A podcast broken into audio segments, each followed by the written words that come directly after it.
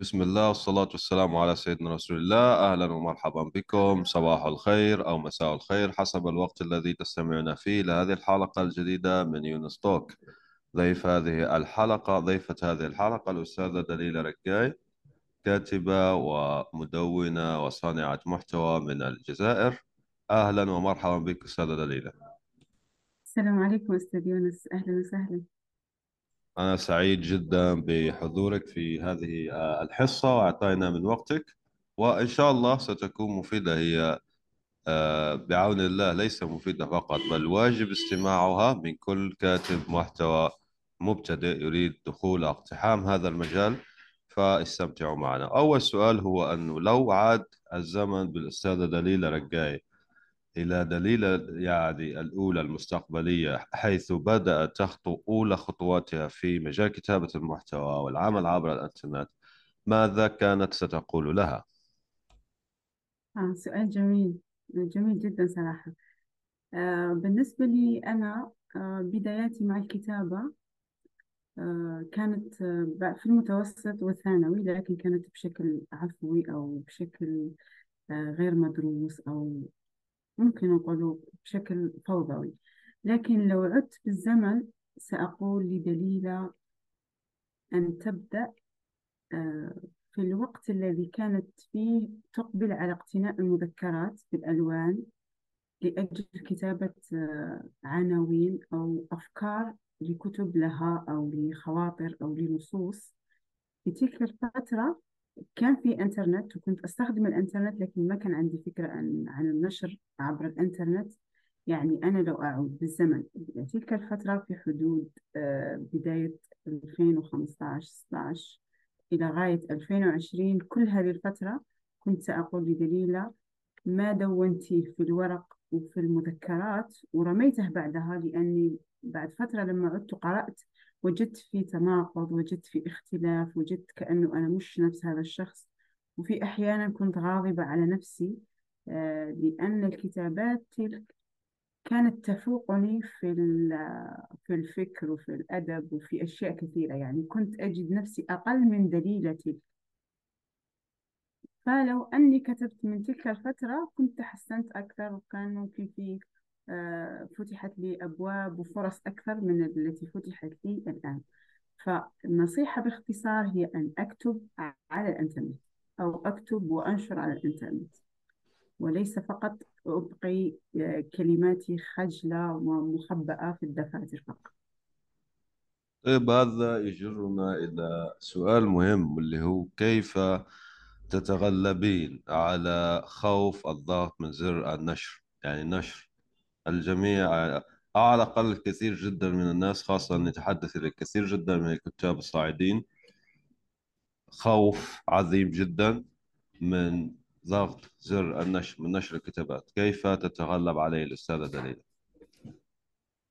الخوف هو ينبع من صورة نحن نرسمها على أنفسنا في أذهان الآخرين. يعني أنا كدليلة أتخيل أنه لي صورة كذا بشكل معين في إطار معين هي مثلا في ذهن الأستاذ يونس وفي ذهن فلان وفي ذهن علان. ولو كتبت ما أنا آه، حقيقتي أنا كتبتها ونشرتها ستفسد هذه الصورة عند هذا الشخص. وهي في الواقع هذا خطأ. غير ممكن أنك تتخيل صورتك عند الآخرين أو نظرة الآخرين لك. وهم ينظرون إليك بناء على ما تظهره أنت لهم.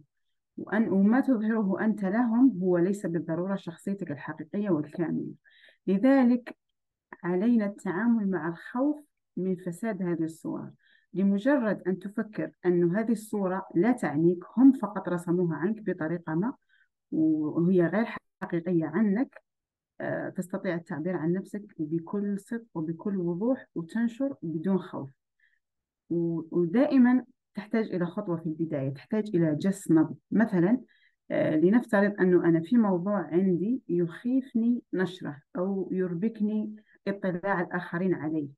لمجرد أن أنشر جزء منه وأرى تفاعل الآخرين معه سيتلاشى الخوف وتنجلي هذه المخاوف والارتباك من أن يطلع الآخرون على ما ما هو مسودة آه، بالأحرى يعني ما أنا كتبته هو لا يزال مسودة.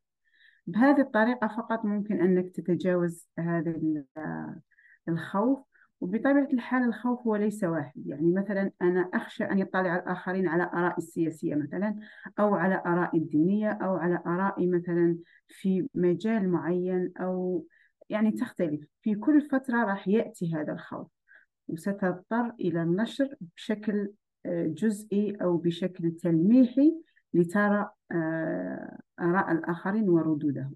وبهذه الطريقة فقط تصل إلى مرحلة تستطيع قول ما تريد دون أن تخشى ردود الآخرين أو آه، أحكامهم عليك.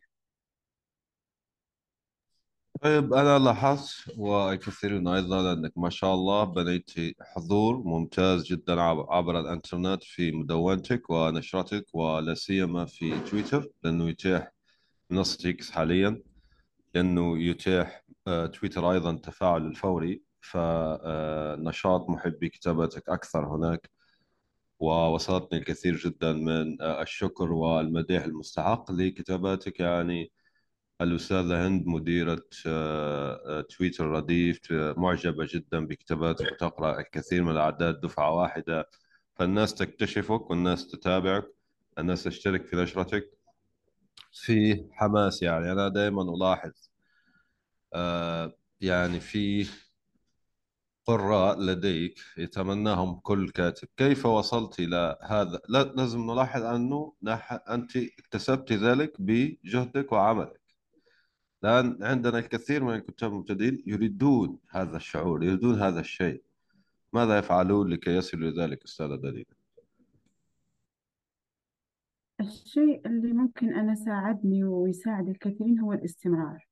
آه، مثلا لو تلاحظ أستاذ يونس أنا بدأت في آه، شهر نوفمبر 2021 واستمريت في النشر سواء على تويتر حتى وإن كان في البداية بشكل متقطع وأيضا في المدونة اللي آه، أطلقتها في نصف تقريبا في جوان 2022 إضافة إلى النشرة إضافة إلى البودكاست. يعني كان فيه لنقل شيء آه أنا الآن يعني أحمد الله سبحانه وتعالى أنه تجرأت يعني كان في جرأة في آه يعني أنا أدرك أنه مستواي ما هو بهذا يعني ما هو ممتاز بهذا الدرجة اللي ممكن يتخيلها البعض إلا أنه آه أطلقت النشرة المدونة وبعدها النشرة وكنت فخورة بكتاباتي حتى وإن كانت يعني مش جيدة ومع الاستمرار ومع آه، زيادة القراء يعني آه، مثلا في بداية النشرة في شخص يثني على النشرة وبعدها يأتي شخص آخر.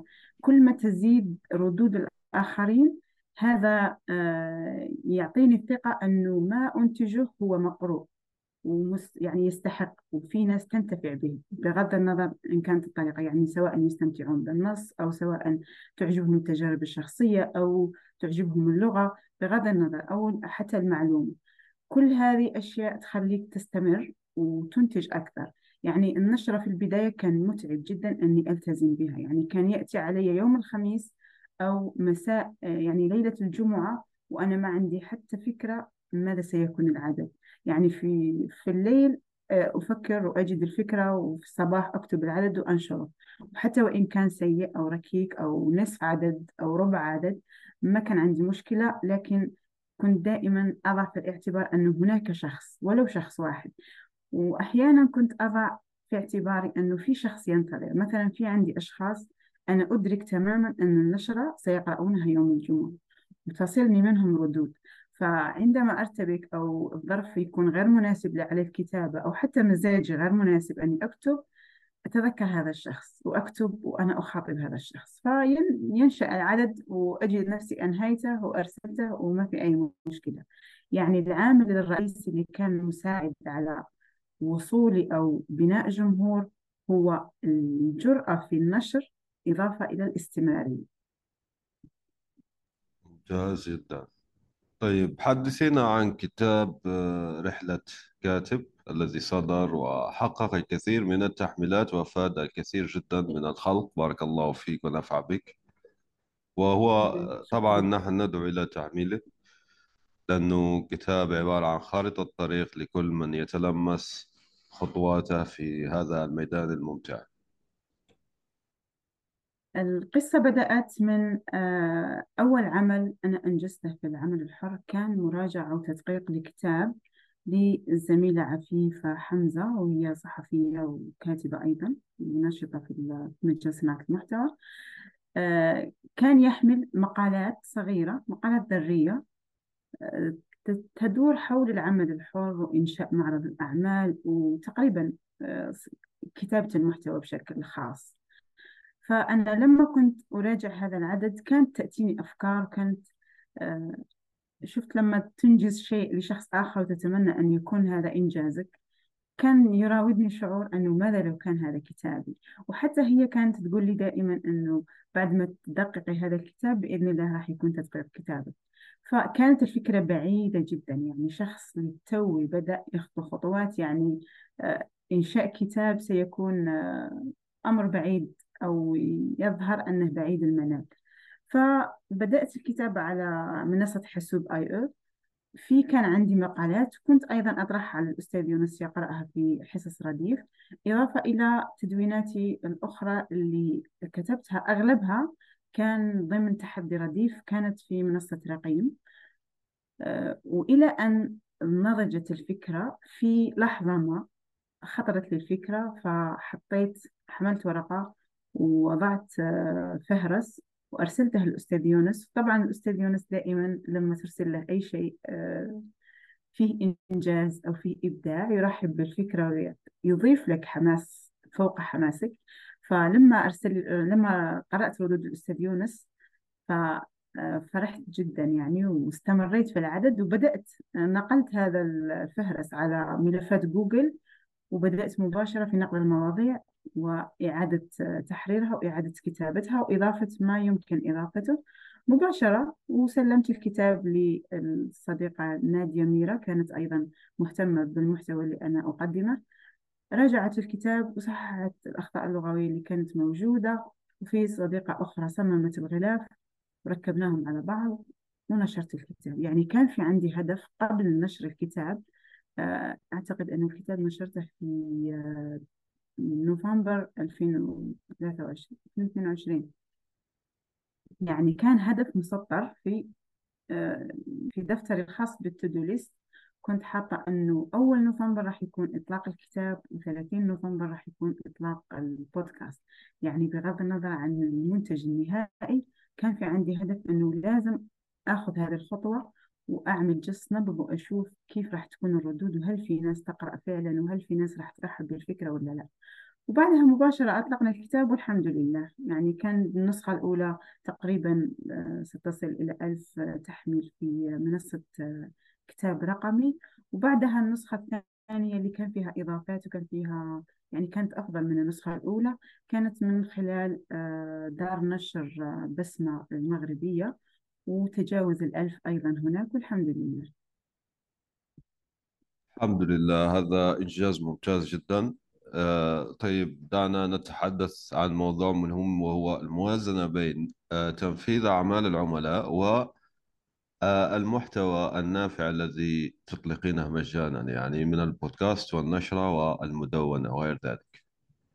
كيف نوازن بين الأعمال التي بين يدينا العملاء المدفوعة الخاصة وعمل آه، محتوى مجاني نروج به لأنفسنا و آه، يعني ننتقل إلى خلينا نقول نصل إلى أكبر عدد ممكن من الناس. الموضوع في البداية كان صعب كان صعب الموازنة خاصة أنا كدليلة في عندي ارتباط مع ارتباط خاص مع مدونة ومع النشرة. يعني آه، أؤثر كتاباتي على كتابات العملاء في البداية. يعني كان لما يكون عندي مقال عميل وعندي النشرة آه، أسبق النشرة على مقال العميل. آه، لكن في فترة ما أصبح الموضوع متعب. يعني أصبحت لا أشعر بالرضا عن أدائي مع العملاء. وفي هذه الفترة كان في عندي تعب جسدي وفي عندي تعب في الأكتاف وأشياء مثل يعني ألم. فهون توقفت. كان لازم أعرف ما السبب وأعالج المشكلة وبعدها أستمر. يعني كان في ضغط. من خلال حديثي مع الأستاذ يونس عن هذا الموضوع أعطاني آه، أظن هو عنده مقال آه، يتحدث عن ألم الظهر وممكن الأستاذ يونس بعدها يرفق المقال في في تدوينة الحلقة لأن المقال جدا ممتاز وأنا جدا ساعدني على تجاوز هذه المرحلة. وبعدها آه بدأت أفكر أنه في مشكلة. وين المشكلة؟ أنه إنتاجي المجاني كان يعني لنقل أنه كان جيد ممكن حتى جيد جدا يعني مقارنة بأدائي مع العملاء.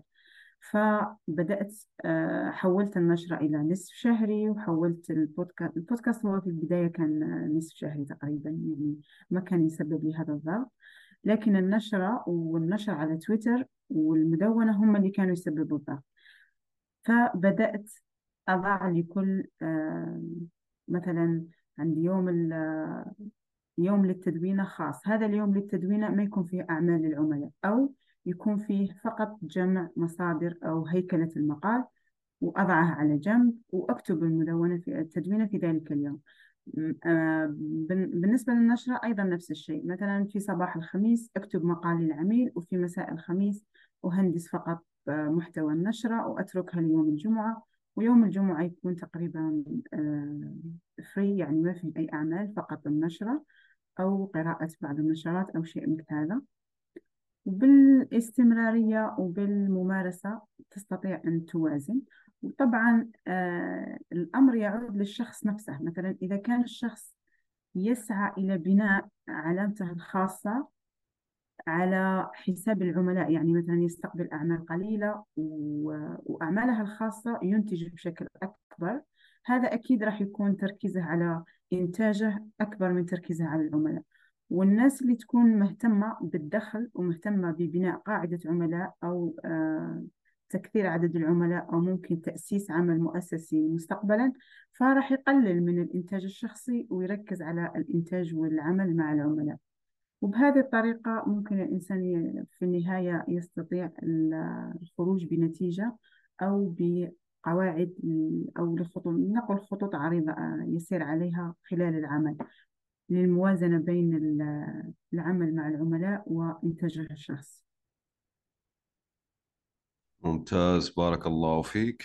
طيب آه، أكيد تصلك أسئلة كثيرة خاصة مبتدئين ومتابعيك سواء في تويتر أو النشرة يعني بريدك في النشرة أو آه، يعني فيسبوك أو ما شابه.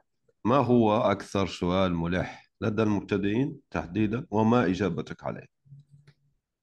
أكثر سؤال وهو تكرر كثيرا سواء في الفيسبوك أو في تويتر أو في مناطق أخرى هو أنه كيف وصلتي؟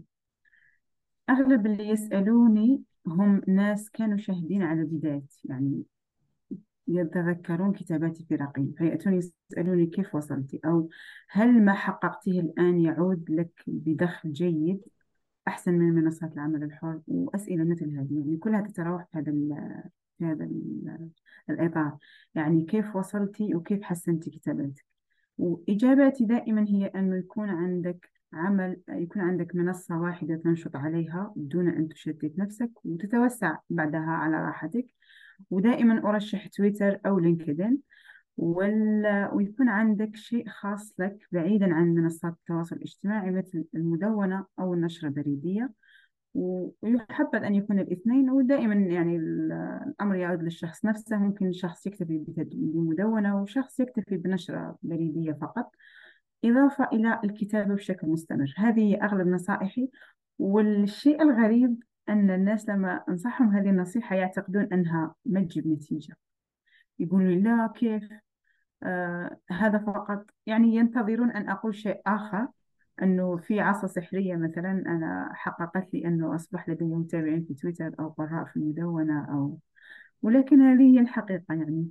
هذا هو هذه هي بدايتي باختصار يعني. نشاط على تويتر مدونة أكتب فيها ما أريد نشرة بريدية يعني مساحة خاصة أعبر فيها عن أشيائي وعن روتيني وعن أشياء خاصة وكتابات وتلم أشياء كثيرة. هذا فقط. طيب لو آه، طلبنا الآن يسمعنا كثير من المبتدئين ومن يريد الدخول في مجال الكتابة لو تعطينا خطة مختصرة ماذا يفعل بالضبط؟ لكي على الأقل يضع قدمه على الطريق الصحيح في هذا الميدان ماذا يفعل؟ تمام. لنقل أنه هذا الشخص ما عنده ولا أي منصة ولا أي حساب في أي مكان. يفتح مثلا حساب على تويتر.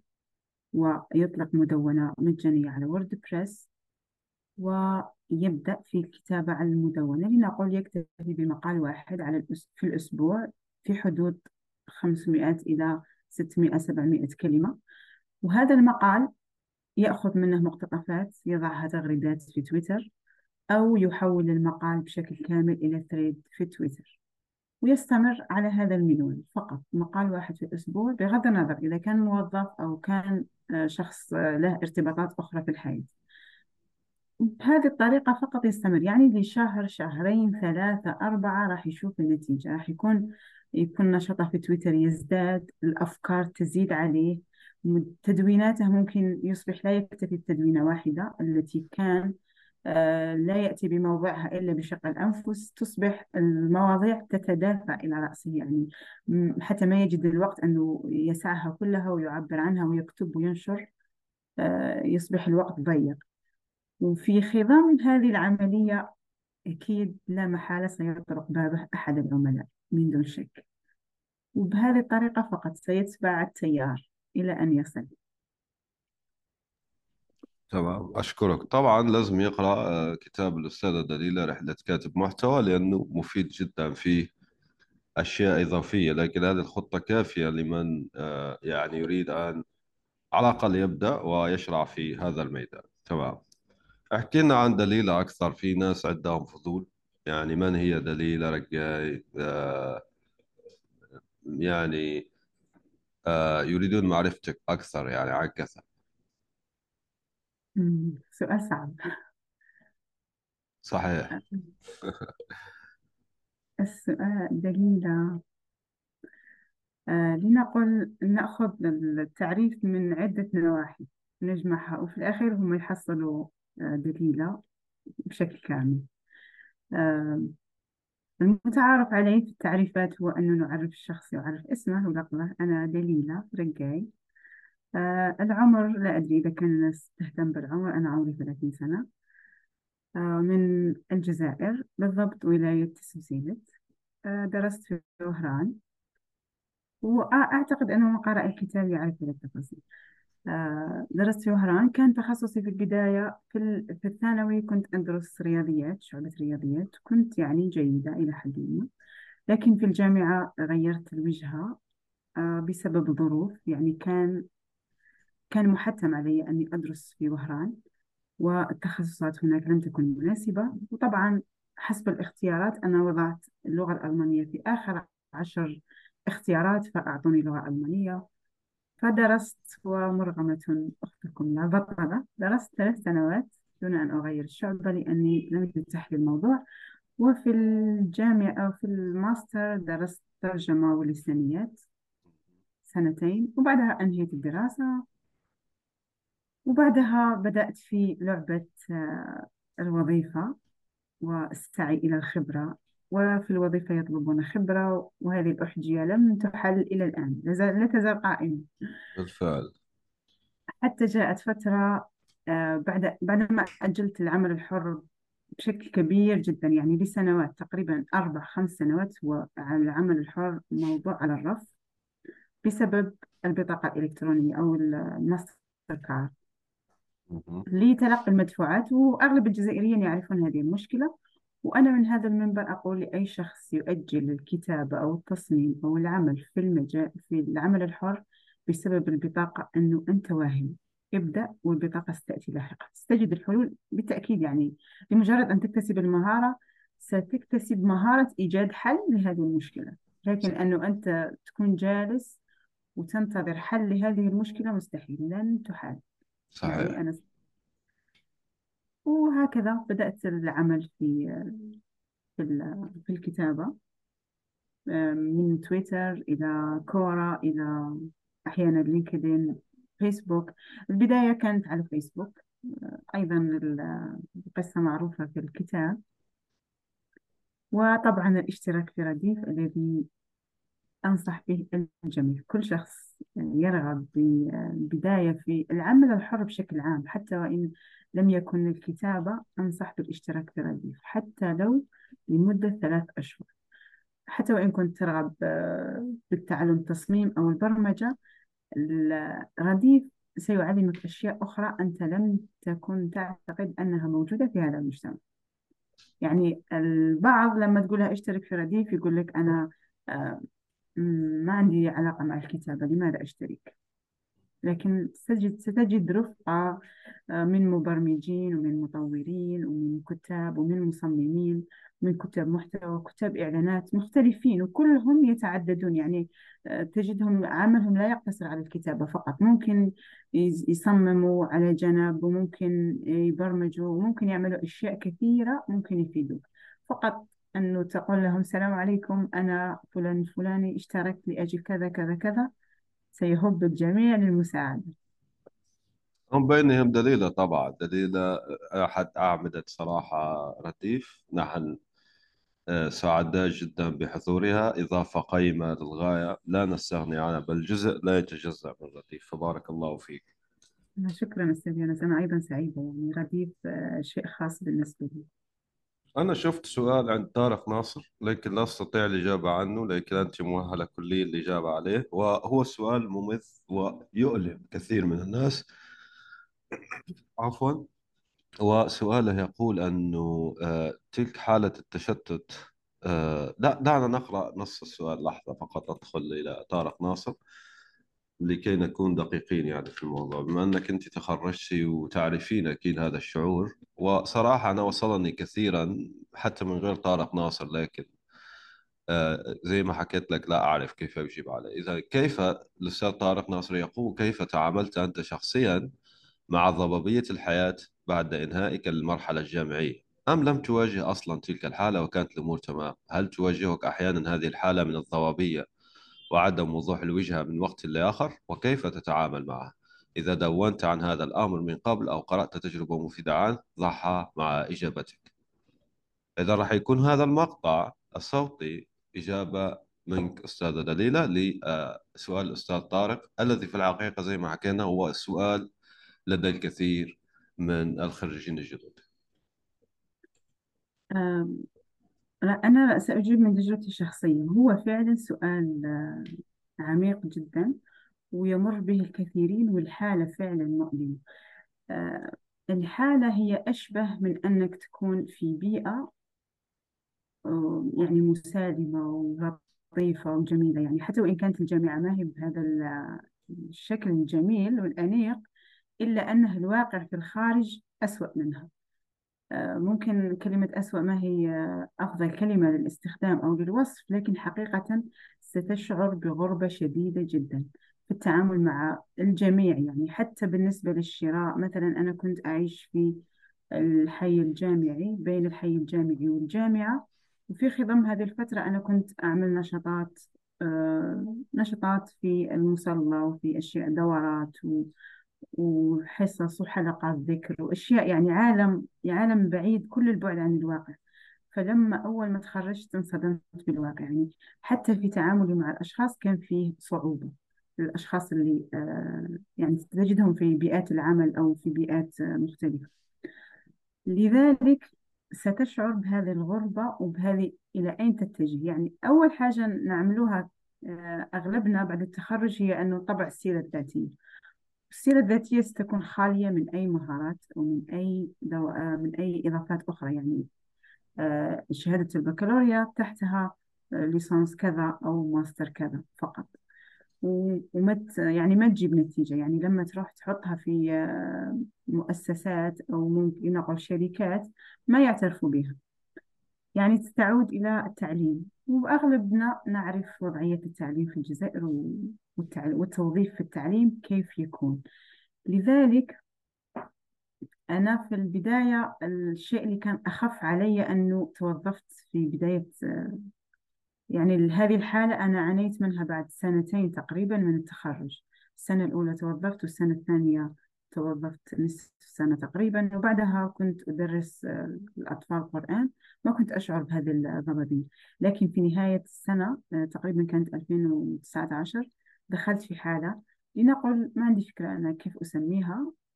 يعني آه، ذهبت عميق عميق يعني دخلت في الوجود والأسئلة الوجودية وأشياء كثيرة جدا. آه، يعني ممكن هذه الحالة لو الشخص يستهين بها وما يبدأ في تعلم مهارات أو في تطوير نفسه من جوانب عدة و- ويخطط لحياته بشكل جيد ممكن يتوه وممكن حتى يروح في اتجاهات آه، لا تحمد عقباها خاصة إذا كان الشخص له طموح عالي ويكره أو ينبذ ال- الفراغ والبقاء في مكان واحد أما بالنسبة لطارق أنا الشيء اللي ما فهمته أنه أنه طارق طارق ناصر هو صاحب السؤال صح؟ نعم يعني طارق هو شخص نشط وشخص كاتب يعني ما شاء الله يعني آه، الحالة اللي هو يعاني منها ممكن تكون أضعاف مضاعفة بالنسبة للأشخاص اللي ما عندهم نشاط آخر عدا الجامعة يعني يعني من الجامعة يخرجون مباشرة للحياة الواقعية. هو ممكن يسأل لصديق أو ممكن هو اللي يتعرض لأنه لم يخبرنا بالتحديد لمن يسأل. إيه صحيح. لكن أنا ملاحظ قطعا أنه سؤال متكرر. آه، صحيح. في صديق يعني سماه اكتئاب بعد آه، تخرج. تخرج. فهو هو السؤال يعني وإجابتك ممتازة أنا أحييك عليها.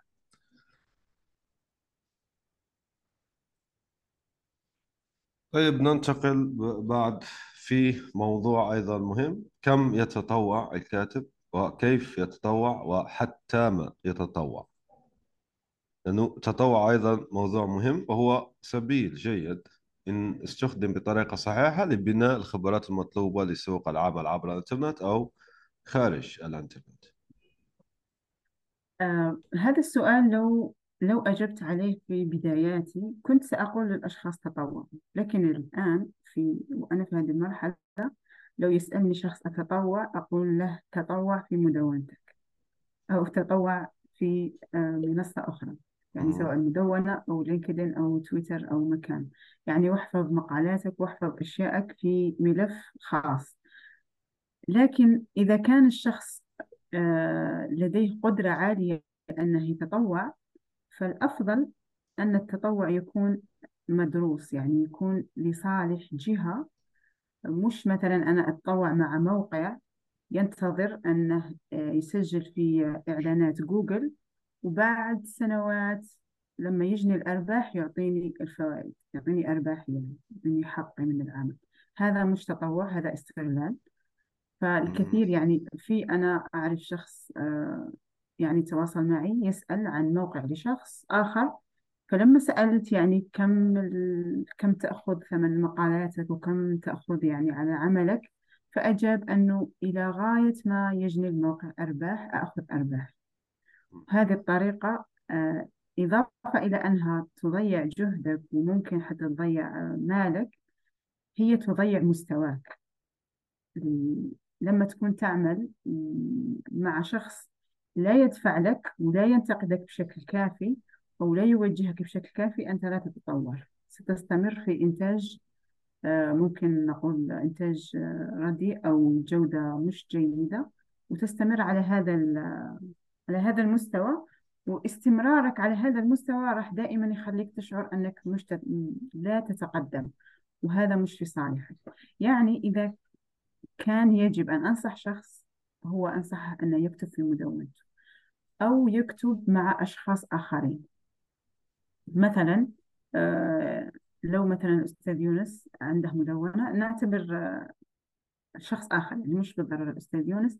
في عنده مدونة وهو يسبقك في يسبقك في في المجال ولديه خبرة تكتب له وي- ويصحح لك. مثلا أنت تكتب لصالح مدونته وهو راح يصحح لك ويوجهك وتصحح أنت أخطائك وتستمر في العمل.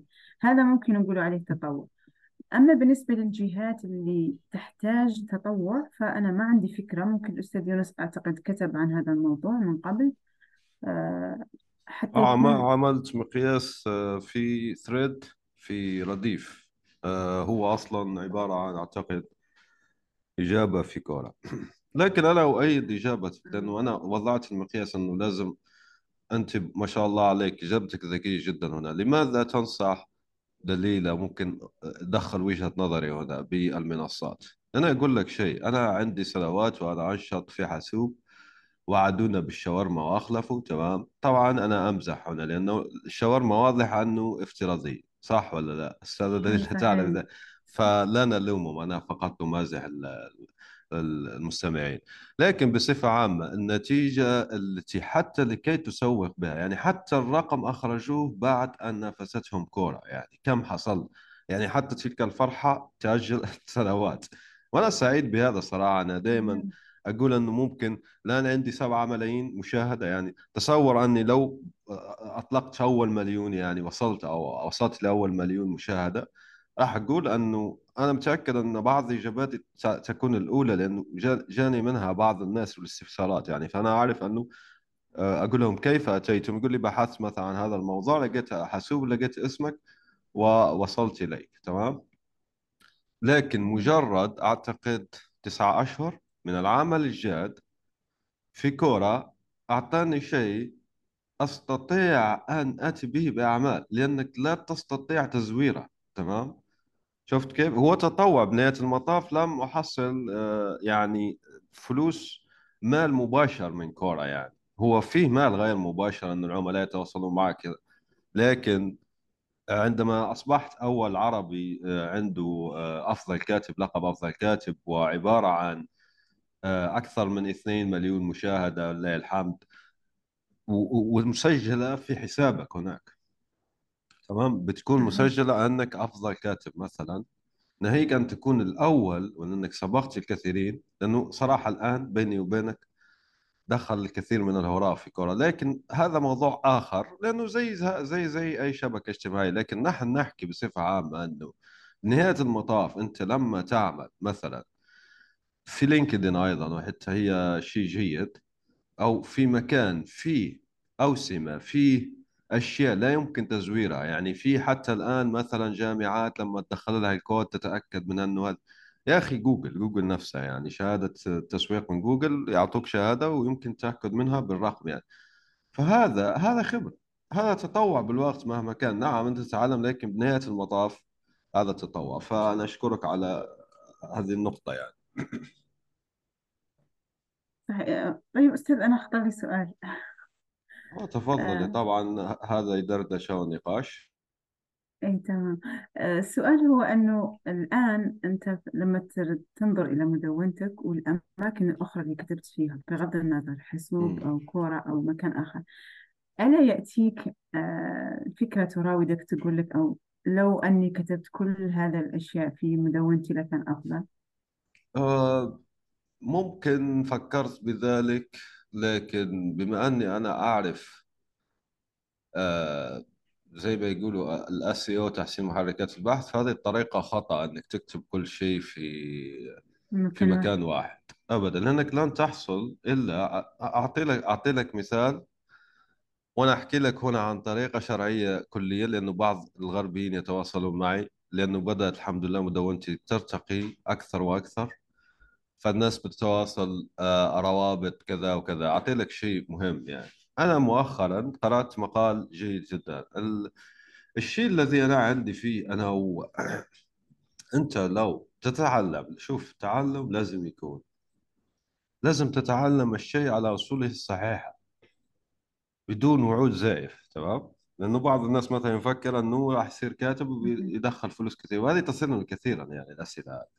يعني مثلا هل سأجني مال كثير جدا ولو أنا مبتدئ؟ هذا مستحيل يعني تمام؟ مستحيل أنك تجمع بين أنك تكون مبتدئ وبين أنك ت... يعني يدفعوا لك المبالغ التي يدفعوها للخبراء. فلذلك أنا ما عندي هذه المشكلة لأنه تعلمي كان صحيح خاصة في ال SEO لأنه أساسا لازم أنت تفكر بمستوى جوجل ليس تحت جوجل مستوى جوجل تمام؟ انه جوجل أنا بش... لا تزعجني لأنه الهدف ليس لعب لعبة ال SEO بل لعب لعبة ال conversion rate يعني معدل التحويل. هذا هو الأساس تمام؟ هذا ممكن بعض الناس آه، لا يفهمه لكن لازم تفهمه بشكل أو بآخر لأنه مهم. فإذا أنت لما تنشر في أماكن أخرى حتى لو اختفت تلك الأماكن أنا نشرت في أماكن وهي اختفت كليا يعني حتى في ال Wayback Machine لن تجدها.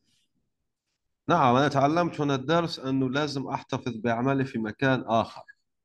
هذا مهم وكتبت عن ذلك سبعة طرق لفعل ذلك أنه منها أنك تحتفظ بأعمالك أنك تشترك في نفس الشيء الذي أنت فيه لكي تصلك نسخة. فإن الحمد لله لو اختفت لا قدر الله مدونتي غدا كلها موجودة في الإيميل على فكرة.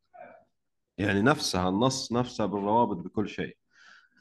فلازم عمل احتياط لكن أنا لم أتعلم ذلك في البداية. الشخص طبعا يتعلم هذه الأمور لكن كلها في آه، الخير تمام؟ فبنهاية المطاف أنت لما تنشر لدى الآخرين تحصل على روابط بتحصل على آه، ناس تعرف أنه مدونتك أساسا موجودة لأن الزيارات راح تكون صفرية في البداية.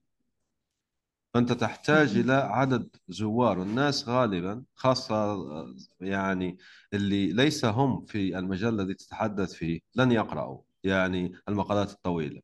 أنا أحكي هم غير مهتمين بذلك لأنه هم مثلا جماعة تويتر أنا لاحظتهم أساسا نادرا واحد ما نعم في عدد معين وذلك اللي لازم تستهدف. لازم تستهدف ذلك العدد اللي يقرأ كثيرا تمام؟ خاصة في المجال الذي أنت فيه. هذا تستهدف. فما ما في مشكلة يعني من آه، النشر لدى الآخرين. في أنا لكن في فرق بين تنشر بين الآخرين وأنك تعطي الأولوية لازم تعطي الأولوية لنفسك. الناس ما تعطي الأولوية لنفسها لا لازم تعطي الأولوية لنفسك. الآن حاليا أنا ش- كشخص لا أستطيع حتى لو أردت على فكرة ج- جتني دعوات يعني. مثلا تعال اكتب معنا في هذا الكتاب تمام؟ على ذكر آه، يعني أعتقد قلت سمسيلة أو تمر لا تمر راس مثلا. شاركت في كتاب تبع كورونا وأرسلوه والآن يدور في تمر راس أخطأ مثلا أشياء وكذا لم يصلني أساس الكتاب. لكن الحمد لله هو يعني ظهر في معارض ظهر في كذا ونصي هنا. في أيضا كتاب تجميعي دعاني اليه آه، أستاذ يعني آه، من الأساتذة تمام؟ لا أدري إن كان يريد ذكر اسمه فهذا لن أذكره. فلم أستطع. قال لي 22 سبتمبر بتسلم. لم أعد استطيع أساسا فعل كثير من الأشياء تمام؟ فالأولوية نعم آه، هنا بالنسبة لي شخصيا يعني. أنا حتى أفكر انقطعت التدوين اليومي وكان أحسن قرار صراحة لصحتي تمام؟ صحتي كانت عندها الأولوية هناك. ولأني لاحظت بكل أمانة بيني وبينك في ناس استغلالية. يعني في ناس لم يكونوا يشتركوا الرديف لأنه يقول لك بكل أمانة وأنا شوف لو تكون في مستوى اللي أنا فيه الآن لازم تقدم صحتك لست فيه لازمك تجتهد.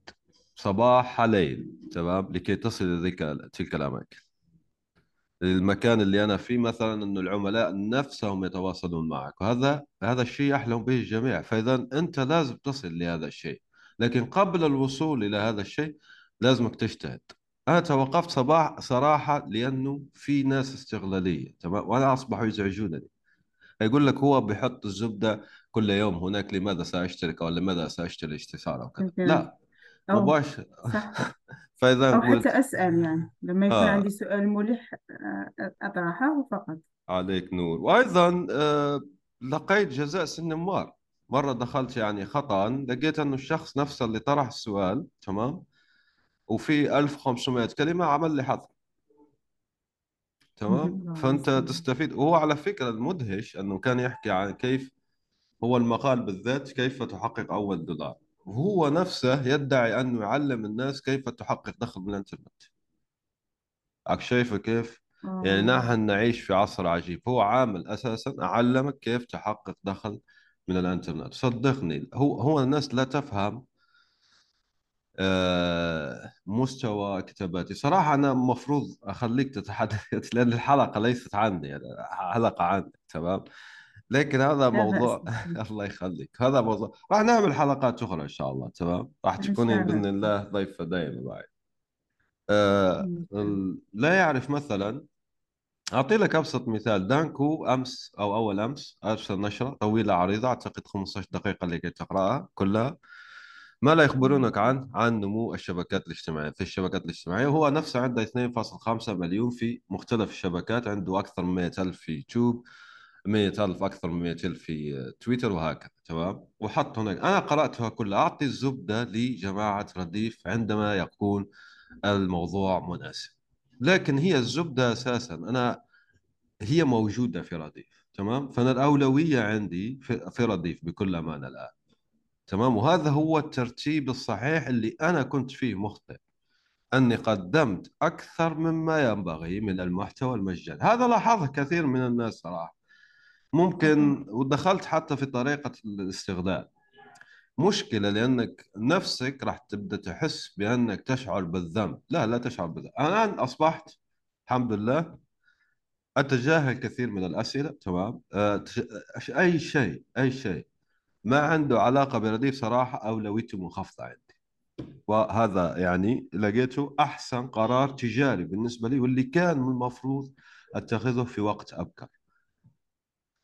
فتفضل أستاذ نبيل بالنسبة لحديثك عن إنتاجك المجاني اللي كان كبير جدا وأنا أشهد يعني بصراحة آه، أنا في البداية كنت آه، قبل ما أشترك في رديف لما كنت أقرأ لك يعني كنت أقول في نفسي أنه أحتاج سنة حتى أقرأ كل ما كتبت وبعدها أشترك في رديف. ولو تتذكر أنا أعطيتني آه، أعطيتني أظن أسبوع آه، اشتركت في رديف وبعدها بدأت نشاطي مع رديف. يعني في البداية ما كنت أحضر الحصص على ما أعتقد كنت فقط أقرأ لك وأحيانا أتابع حصص. وبعدها بدأت حضور الحصص ال- الأسبوعية.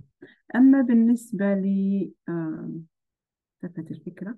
بالنسبة لي آه، أنه أهل رديف يأخذون الزبدة فأنا أردت الإشارة إلى نقطة لما ذكرت الآن نشرة دامكو لما قلت النشرة فتذكرت أنا من قبل آه، كنت أستغني عن قراءة بعض النشرات بسبب أنك تعطينا الملخص في الحصص. لكن مؤخرا صرت أغيب جدا عن الحصص حتى في الدردشة الخاصة بالمجموعة. يعني ما آه، ما أتابع كثير. فقط يعني أحيانا يكون الموضوع مهم أدخل أشوف النقاشات وأطلع. لكن العلامة أنه الزبدة مش فقط في حصص رديف حتى في مجموعة رديف. أحيانا من فترة أنا شفتهم كانوا يتحدثوا عن موضوع وأنا لأني ما كنت متابعة وما كنت أحضر حصص رديف كان الموضوع جديد علي. فبدأت أشعر كأني متأخرة يعني. تجد نفسك مش مع التطورات في رديف تلاقي كل شخص آه، مثلا هذا يتحدث عن آخر تطورات الكتابات الإعلانية مثلا وهذا يتحدث عن آخر تطورات البرمجة وشخص الآخر مثلا عن الذكاء الاصطناعي آه، كل هذه الأشياء يعني تكون ملم بها ومستحيل تستطيع الإلمام بكل هذه الأشياء أنت لوحدك يعني. راح تشترك في ألف نشرة مثلا غير ممكن. لكن في رديف ذلك ممكن جدا. خاصة مع حضور الحصص إضافة إلى الحضور المشاركة في النقاشات في مجموعة رديف. الله يخليك أستاذة دليلة. آه إذا نختم بنصائحك للكتاب الصاعدين. ما هي؟ النصائح. في الواقع يعني أنا الآن أحتاج نصائح لكن آه، بالنسبة للمبتدئين إذا كان إذا كان في نصيحة ممكن آه، أقدمها لهم هي أنه اكتب وانشر. أين يفضل أن يكون منصة خاصة بك؟ آه، يكون مكان خاص بك مدونة أو نشرة ثم يأتي بعدها منصة التواصل الاجتماعي. يعني اكتب وانشر في منصتك الخاصة وإذا أردت حول هذا المحتوى اللي من في المدونة إلى منشورات على مواقع التواصل الاجتماعي. واستمر. يعني هذه هي ال- النصيحة. بارك الله فيك أستاذة دليلة استمتعت بالنقاش معك. وإن شاء الله يا رب يكون لنا حصص مستقبلية كثيرة. إن شاء الله أستاذ. شكرا جزيلا. وأنا أيضا سعيدة بالحضور وأيضا مستم- استمتعت باللقاء معك الله يخليك. وشكرا لكم مستمعينا الأعزاء لحسن الإصغاء والاستماع حتى هذه الدقيقة. بارك الله فيكم وصلى الله وسلم على سيدنا محمد وآله وصحبه أجمعين. سلام.